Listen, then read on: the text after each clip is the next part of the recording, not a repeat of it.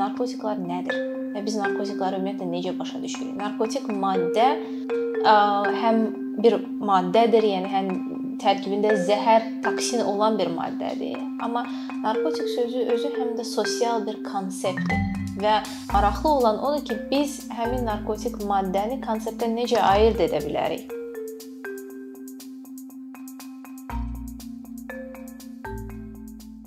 Narkotiklarla bağlı Azərbaycanda demək olar ki, heç bir söhbət yoxdur. Əksər hallarda mövcud olan söhbətlər adətən narkotik istifadəçilərinin ziyanlı peşə sahibi olmaqları ilə bağlıdır və yaxud cəmiyyətə hansı zərər verməkləri ilə bağlı olan söhbətlərdir. Amma istənilən halda sosial və siyasi aspektdə ümumiyyətlə narkotik vasitələrin istifadəsi və yaxud istifadə edən şəxslərin taleyi demək olar ki, ümumiyyətlə müzakirə olunmur cəmiyyətdə. Və əslində qismən başa düşülən məqamdır. Yəni cəmiyyətdə digər başqa problemlər üstünlük təşkil edəndə və yaxud daha çox həmin problemlərə prioritet veriləndə narkotik maddələr görürsüz ki, həmin o siyahıda bəlkə də çox aşağıdadır, gözü görünməyən e, təbəqədədir. Amma ə, e, sözsüz ki, narkotiklarla bağlı ə, e, söhbətləri daha şəffaf ə, necə deyir, bir təbəqəyə qaldırmaq vacibdir və mən bunu daha çox sosial elmi aspektdən əsaslandırmaq istəyərdim. Və birinci də bu debatda onunla başlamaq lazımdır ki, narkotiklar nədir? Və biz narkotikları ümumiyyətlə necə başa düşürük? Narkotik maddə həm bir maddədir, yəni həm tərkibində zəhər, toksin olan bir maddədir. Amma narkotik sözü özü həm də sosial bir konseptdir və bu qəbildə maraqlı olan odur ki, biz həmin narkotik maddəni konseptdən necə ayırd edə bilərik? Hər hansı bir zəhər və yaxud tərkibində hər hansı bir uyuşdurucu vasitə olan maddə hökmən deyil ki, cəmiyyət üçün və yaxud şəxs üçün mütləq şəkildə zərərli olsun. Bizim qəbul etdiyimiz əksər dərmanların tərkibi narkotik vasitələrdən ibarətdir. Müxtəlif uyuşdurucu və yaxud sakitləşdirici və yaxud stimullaşdırıcı tərkibləri, hətta qalüsinogen tərkibləri olan dərmanlar mövcuddur. Amma ə, məhz bizim ə, narkotik maddələrin belə deyək, qanunvericilik aspektdən, qanunverici siyasi aspektdən müzakirə etdiyimiz məqam narkotik maddələrin insanların ə, onu istifadə edən insanların cəmiyyətdə pozisiyasını təyin elədiyi üçün ortaya xeyli konsept olaraq ortaya xeyli daha çox ə, geniş anlayışlar çıxarır. Və Bu məqamda e, birinci vurğulamaq istədiyim odur ki, narkotik maddələri biz adətən leqal və qeyri-leqal maddələrə bölürük. E, klassifikasiya olaraq. Yəni ən azından sosial elmlərdə, siyasi elmlərdə bu aydındır qanunvericilikdə leqal və qeyri-leqal narkotik maddələr mövcuddur, amma cəmiyyətdə biz bu haqqda o qədər də danışmırıq. Və leqal narkotik deyəndə biz onun tərkibinə həm də tütün tərkibli siqaretləri əlavə eləyirik. Leqal narkotiklər həm də spirtli içkilərdir. Amma biz heç vaxt spirtli içkilər və yaxud tütün tərkibli siqaretləri narkotik olaraq adlandırmırıq. Çünki narkotik sözü həmin məqamda konsept olaraq tamam başqa bir ə, necə deyir, anlayış daşıyır. Ə, və mövcud olan necə deyir, fəlsəfi, fəlsəfədə, sosiologiyada mövcud olan fikirlər ə, onu vurğulayır ki, biz narkotiklar haqqında konsept olaraq danışmalıyıq. Sadəcə maddə olaraq yox. Və konsept olaraq danışanda artıq başa düşürük ki, ortalığa bir insanın azadlıq məfhumu çıxır, bir insanın həzz məfhumu çıxır və yaxud bir insanın öz bədəni, öz istəkləri və cəmiyyətdə rolu və yaxud müxtəlif cəmiyyətdə mövcud olan stress, həm ictimai, həm məişət məqamında stresslə mübarizədə istifadə elədiyi bir mübarizə mexanizmi kimi narkotik maddələrin rolunu biz müzakirə eləmirik. Və tarixi olaraq narkotik maddələrin istifadəsini əsasən həmişə o baxımdan qiymətləndirə bilər ki, istifadəçi insanların deyək ki, iş qabiliyyətləri ə, zərər çəkirdisə və yaxud cəmiyyətə olan deyək ki, iqtisadi ə, vergisi, belə deyək, qatqısı demək olarsa, zərər çəkirdisə narkotik istifadəsinə görə həmin insanları narkotiki qeyri-leqal etməklə cəmiyyətdən təcrid etməyə çalışırdı. Qərb cəmiyyətlərində ki, Amerikada və yaxud digər qərb mədəniyyətli cəmiyyətlərdə, Avropada da həmçinin narkotik istifadəçilərinin necədir təcrid olunması cəmiyyətdən əksər hallarda görürsüz ki, irqi ayrı seçkiliyə əsaslanır. Yəni narkotik maddə həmin o irqi ayrı seçkiliyi reallaşdırmaq üçün bir vasitədir. Və kiminsə qeyri-legal narkotik maddədən istifadə olunması avtomatik olaraq onların necədir, həbsxanalara təcrid olunması ilə nəticələnir və yaxud onların cəmiyyətdən uzaqlaşdırılması ilə nəticələnir və tarixi olaraq narkotik maddələrin istifadəsi məhz müxtəlif növ ayrı seçkilikləri qanun altında leqallaşdırmaq üçün istifadə olunan bir vasitə, bir metod olubdur. Təbii ki, söhbət bu qanunları icra edən insanlara, insanlarda olan güc məfhumundan bəhs edirik həmin məqamda. Amma istənilən halda bunları başa düşdükdən sonra narkotik maddələrin cəmiyyətdə istifadəsini daha dərindən analiz eləmək bir istəyi yaranır. Və sosial elmlərdə bütöv geniş bir sahə vardır, hansı ki, narkotik maddələrin istifadəsini həm nevrobioloji səviyyədə öyrənir. Yəni sadəcə olaraq narkotik maddənin beyinə olan təsiri və həmin məqamda beyində məsələn yaranan ə, proseslər, gedən proseslər və o proseslərin birbaşa olaraq davranışa olan təsiri Amma bu aspektdə olan tədqiqatlar narkotik maddələrin bir insanın davranışına və həmin insanın cəmiyyətdə olan pozisiyasına, yerinə e, demək olar ki, heç bir aidiyyəti yoxdur. Bu cür tədqiqatlar narkotik vasitələrin sosial tərəflərini demək olar ki, e, ignor eləyir. Demək, Qərb universitetlərində narkotik maddələrin istifadələrinə, istifadəsinə dair sosial elmlərin inkişafı bizə hal-hazırda çox maraqlı faktları açıqlamaqdadır. Nisbətən əslində yeni sahədir narkotik maddələrin öyrənilməsi sosial aspektdən. Və hazırda məsələn dünya miqyasında aparılan qlobal narkotiklara dair sorğu sistemi mövcuddur. Onlayn sistemdir. Narkotik maddələrin istifadəsi haqqında tamam anonim olaraq o sorğuda iştirak etmək mövcuddur.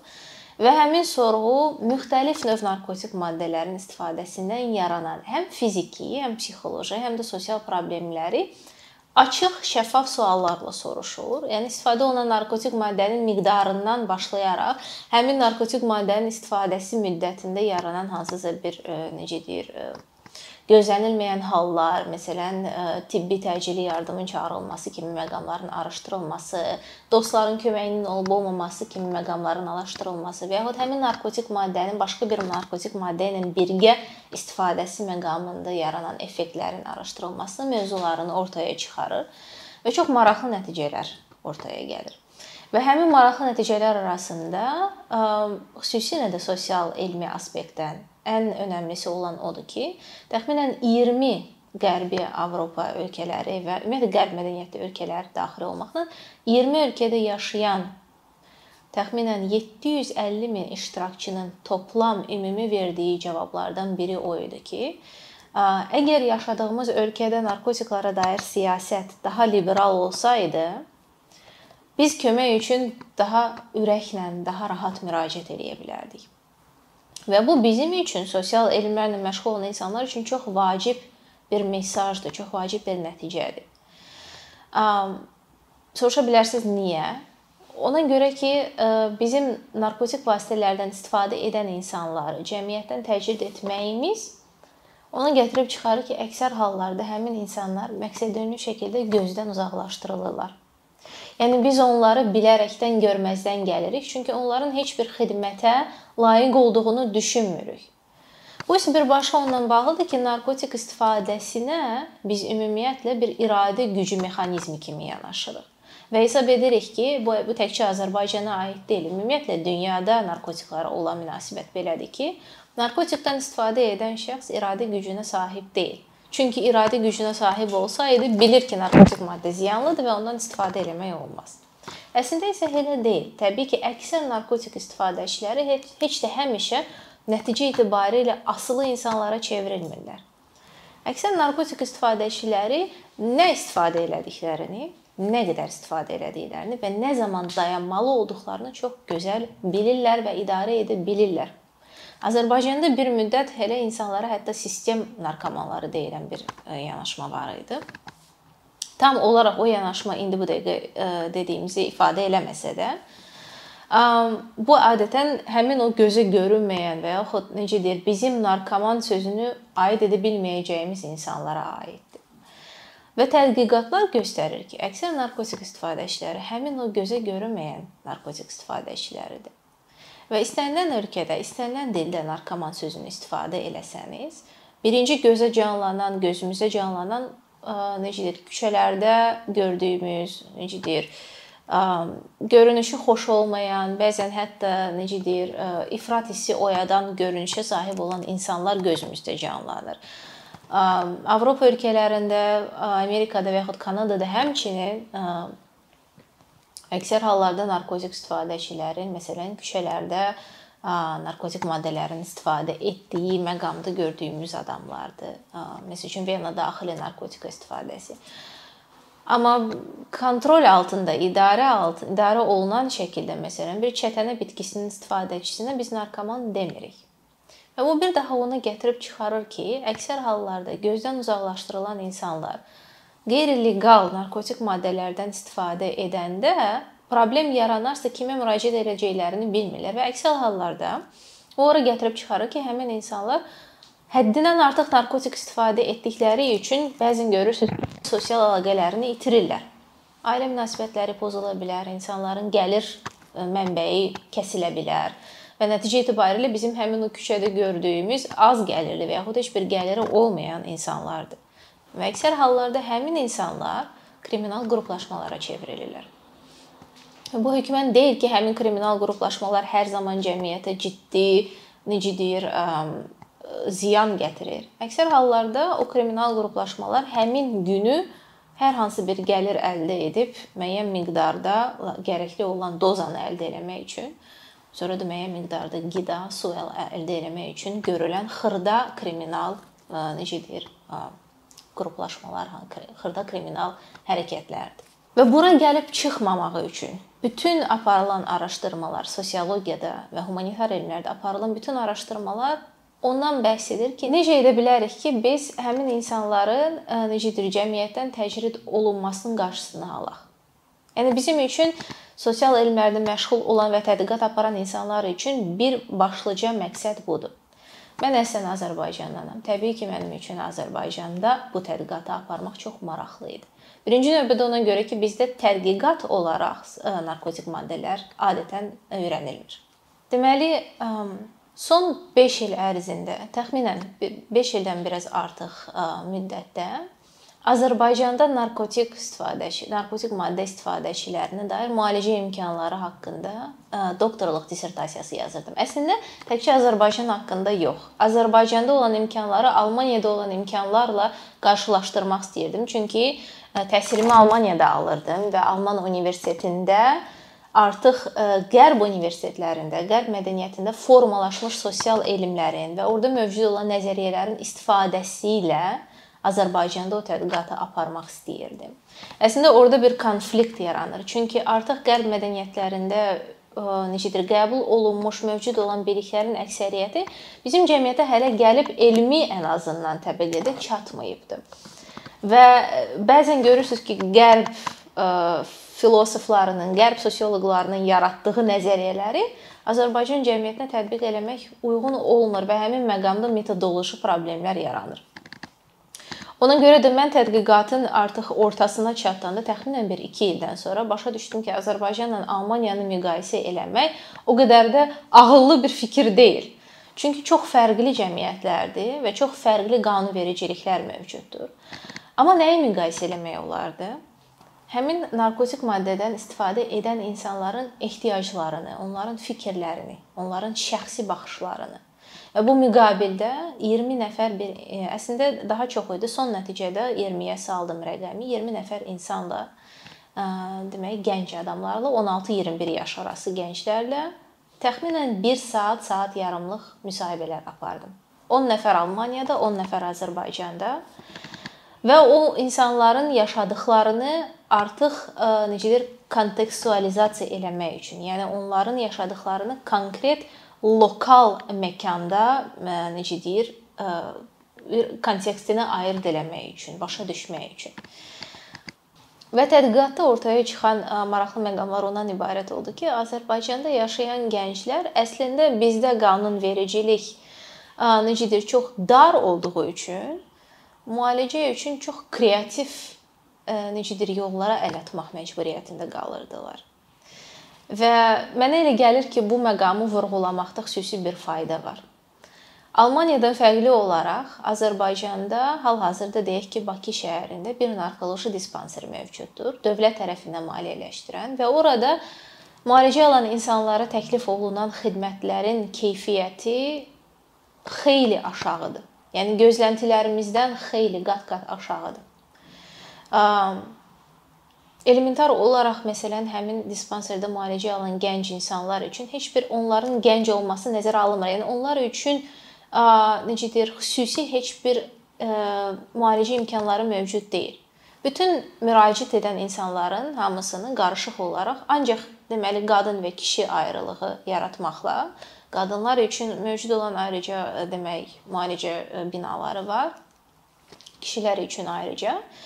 Amma gənclər və böyüklər bir yerdə, məsələn 10 nəfər bir otaqda deyək ki, yatır müalicə alan müddət ərzində. 21 gün ərzində O dispanserdə təklif olunan iki növ müalicə mövcuddur. Biri qanın yuduzdurulmasıdır, detoksifikasiya deyilir ona, yəni qanda olan narkotik maddələrdən gələn o toksinlərin yuduzdurulmasıdır. İkincisi isə demək dövlət tərəfindən bizdə son 10-12 il ərzində maliyyələşdirilən metadon əvəzedici proqramı var. Metadon əvəzedicisi də 5 ildən artıq opium tərkibli, opioid demək, sintetik opioidlər və yaxud opium tərkibli narkotiklərin istifadəçilərinə təqdim olunur. Bu adətən necədir detoksifikasiyadan sonra həmin insanlarda necədir asılılığı reqülə eləmək üçün təklif olunan bir müalicə metodudur və artıq qərb ölkələrində təxminən 40 il müddətində tətbiq olunan müalicə e, metodudur. Yalnız bu bu bu müalicə metodları təklif e, elə bir formada təklif olunur ki, əksər insanlar, yəni mənim şəxsən tədqiqat çərçivəsində müsahibə apardığım insanlar, gənc adamların əksəriyyəti həmin müalicə mərkəzinə mümkün qədər tez canlarını qurtarıb qaçmaq arzusunda olan insanlardır. Cinsindən asılı olmayaraq, yaşından asılı olmayaraq, bu isə birbaşa onunla bağlıdır ki, müalicə həmin insanlara layiqli şəkildə göstərilmir və əksər hallarda narkotik istifadəçisi necə deyir, hər hansı bir müalicəyə layiqli olmayan insan kimi nəzərə alınır. İradi gücü olmayan, zəif, cəmiyyətə heç bir xeyri olmayan bir insan kimi qəbul edilir və bununla da həmin insanların artıq gələcək imkanları da avtomatik olaraq kəsilir. Məsələn, bu ə, müqabildə öyrəndiyim məqamlardan biri oldu ki, Azərbaycanda ə, Əksər kişi cinsinə xas olan gənc insanların, məsələn, əskərlik əgər arzuları, planları vardırsa, narkotik vasitədən istifadə etdiyi üçün dövlət tərəfindən maliyyələşdirilən dispanserdə qeydiyyata düşürsə, artıq onun əskərlik şansları birdəfəlik məhv olur. Azərbaycan və Almaniya arasında aparılan demək bu qarşılaşdırmanın bir nömrəli vacib bayaq e, qeyd etdiyim məqam ondan ibarətdir ki, Almaniyada mövcud olan sistem müəyyən məndə bir inkubator effekti yaradır. Bununla nə demək istəyirəm? Mövcud olan sistem e, hansının tərkibinə ki, tibbi sığorta, necə narkotik vasitələrini istifadə edən gənclərin xüsusi terapiya məktəblərində təhsil alması, sonra həmin gənclərin necə deyir, klinikalarda müalicəsi, psixoterapiyası, xüsusi necə deyir, idarə olunan sosial işçilər tərəfindən idarə olunan evlərdə yaşanması və s. hamısı müəyyən bir artıq mövcud institutlaşdırılmış qanunvericilik altında fəaliyyət göstərir. Və istənilən narkotik maddədən müalicəyə müraciət edən gənc insan bürokratik olaraq bütün bu addımların hamısından bir-bir keçmək məcburiyyətindədir. Çünki bunu dövlət maliyyələşdirir. Və dövlət maliyyələşdirildiyi üçün də həmin institutlarda gənclərin qarşısına qoyula müəyyən tələblər vardır. Məsələn, Azərbaycandakı kimi orada da müalicə birinci növbədə detoksifikasiyadan başlayır. Klinikada 21 gün ərzində, 4 həftə ərzində maksimum qanın yuduzdurulması prosesi. Qanın yuduzdurulması prosesindən sonra gənc insan göndərilir sosial işçilər tərəfindən idarə olunan necə deyir, keçid terapiya evinə. Bunu belə tərcümə etmək olarsa, keçid terapiya evlərində gənc insanlar sadəcə olaraq yaşayır. Təsəvvür eləyin bir villa, 3-4 mərtəbəli bir villa və deyək ki, həmin villada bir 10 nəfər insan yaşayır. 10 nəfər gənc adam. Və həmin insanlar hamısı müəyyən miqdarda narkotik maddələrdən istifadə etmiş gənclərdir və onların artıq müəyyən ciddi problemləri yaranmışdır həyatda. Ona görə onlar artıq bu terapiya mərkəzində necə deyir, artıq həm terapiyaya keçirlər, həm eyni zamanda orada yaşayaraq müəyyən onların qarşısına qoyulan gözləntiləri yerinə yetirməli olurlar. Söhbət çox xırda məqamlardan gedir. Bayaq istinad elədiyim o lokal kontekst deyəndə məhz bunları nəzərdə tuturdum. Məsələn, həmin keçid terapiya evlərində yaşayan gənclərdən rica olunur ki, hər gün otaqlarını təmizləsinlər. Sıra olaraq deyək ki, hər gün bir nəfər yemək bişirməlidir bütün evdə yaşayan insanlar üçün. Ümumi hansısa deyək ki, məişət belə deyək, tapşırıqlarının bölüşdürülməsi aralarında və onların yerinə yetirilməsi mobil telefonlara istifadəsinə qoyulan müəyyən qadağalar, mərkəzdə yaşayarkən heç bir narkotik maddədən istifadə necə deyir, icazə olunmur. Yəni tamamilə qadağadır. Siqaret, tütün tərkibli siqaretlərdən başqa ancaq spirtli içki və bütün digər narkotik maddələr qadağadır. Və əgər gənc insanlar bu onlardan onların qarşısına qoyulan bu gözləntilərin hər hansı birini yerinə yetirməzsə, Həmin məqamda futboldan tanıdığımız bu yaşıl kart, qırmızı kart deyilən etaplarda onlara cəza tətbiq olunur.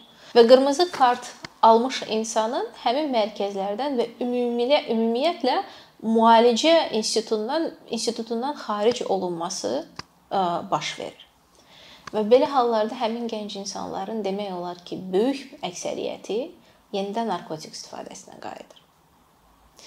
Maraqlı olan nədir? Həmin institutlaşdırılmış proqramlarda müalicə keçən gənc insanların müsahibə əsasında danışdıkları, necə deyir, şəxsi təcrübələrinin əksəriyyəti bir-birinə çox bənzərdir. Narkotik istifadəsi fərqli ola bilər. Ancaq həmin terapiyada müalicə alan insanların öz gələcəkləri haqqında danışdıkları hekayələr çox bir-birinə bənzəyir. Məsələn, burdan çıxarkən yenidən sürücülük vəsiqəmi almaq istəyirəm yenidən deyək ki, maşın sürmə məktəbinə gedəcəm. Burdan çıxdı, çıxdıqdan sonra məktəbi bitirməyə çalışacağam. Ən, ən azından attestat almağa çalışacağam. Burdan çıxdıqdan sonra deyək ki, elə insanlar var deyir ki, mənim bir nömrəli prioritetim müalicə günümü bədənimə məsələn tatu şəklində yazdırmaqdır və s. Amma Əksər insanların qarşısına qoyduğu məqsədlər hiss olunur ki, onlara terapevtlər tərəfindən təbliğ olunan ideyalardır və əksər hallarda gənc insanlar bəlkə də sonra çıxdıqdan sonra həmin o ə, məqsədlərin arxasınca getmirlər. Azərbaycanda isə situasiya çox fərqlidir. Azərbaycanda müalicə imkanları məhdud olduğu üçün Əksər imkansız ailələr hansılar ki, məcburdurlar övladlarını dispanserə müalicəyə göndərsinlər. O gənc insanların 21 günlük detoksifikasiya bəzən daha az çəkir. 10-11 gündən sonra görürsüz ki, insanlar oradan çıxmaq istəyirlər. Artıq həmin müalicə bitdikdən sonra heç bir başqa müalicə təklif eləmə imkanları yoxdur həmin ailələrin. Və buna əvəzində də təklif olunacaq heç bir institutlaşdırılmış sistem də yoxdur. Və ya həmin gənclər yenidən qayıdırlar narkotik istifadəsinə hər hansı bir formada, bəlkə daha az, bəlkə digər başqa növ narkotik, bəlkə məsələn illeqal narkotiklərdən keçirlər apteklərdə satılan uyuşdurucu maddələrə. Ki bu da Azərbaycan üçün aktual bir problemdir. Buna sonra qayıda bilərik. İmkanı olan ailələri isə övladlarını deyək ki, Türkiyəyə, Rusiyaya müalicəyə göndərirlər, yaxın qonşu ölkələrə. Və yaxud görürsünüz ki, anonim olaraq evə həkimlər dəvət olunur, necədir, qeydiyyata salmamaq üçün övladını və yaxud özlərinin təşəbbüsü ilə hansısa detoksifikasiya prosesi evdə aparılır, sistem qoyulması, qanın yuduzdurulması və s. Bəzən görürsüz ki, gənc insanlar üçün necədir, çıxış yolu olaraq protest etmək, evdən getmək, evdən getdikdən sonra özünün tapdığı hansısa qruplaşmalara qoşulmaq və s. Yəni artıq sistem tərəfindən idarə olunmadığı üçün insanların sanki seçmək imkanları bizə elə belə gələ bilər ki, daha genişdir. Amma eyni zamanda da daha acizdir. O mənada ki, insanlar məcburdular heç bir necədir qarantiyası, zəmanəti olmayan addımlar atmağa. Əksər hallarda da o addımların nəticəsi müsbət olmur. Və təbii ki, bu baxımdan institutlaşdırılmış hansısa bir qanunvericilik altında fəaliyyət göstərən müalicə imkanlarının olması ən azından insanların şəxsi maddi imkanlarından necədir, bu müalicədə heç bir rolunun oynamamasını təmin edə bilərdi. Yəni həm imkanı olan, həm də imkanı olmayan insanlar eyni səviyyədə müalicə keçmək üçün müraciət edə bilərdilər və o müalicəni deyək ki, 21 gün yox, 1 il ərzində ala bilərdilər. Yəni bu bu məqamlar çox vacibdir. Azərbaycan üçün hal-hazırda aktual olan ə, məqamlar nədir? Bizdə onsuz da sosial elmlərin inkişafı hal-hazırda çox zəif gedir. Yəni biz bunu qəbul ediriksə bir fakt olaraq, ən azından qanunvericilik aspektində müəyyən dəyişikliklərin olması labüddür. Və bu sırada bizim üçün vacib olan məqam odur ki, Azərbaycanda hal-hazırda narkotiklara dair mövcud olan sosial siyasət və qanunverici siyasət ondan ibarətdir ki, narkotik maddələrin, qeyri-leqal narkotik maddələrin sərhədlərdə konfiskasiya olunması və bu konfiskasiya haqqında mütəmadi olaraq hesabatların hazırlanması. Bu məqamda məsələn vacib olan e, digər aspekt ondan ibarətdir ki, e, ümumiyyətlə Azərbaycanda mövcud olan narkotiklara qarşı olan mübarizə mərkəzləri, narkotik maddələri və onların prekursorlarına qarşı olan mübarizə e, necədir idarəsi bunların əksər Bir nömrəli e, mübarizə metodu narkotik maddələrin konfiskasiyasıdır və onların monitorinqidir.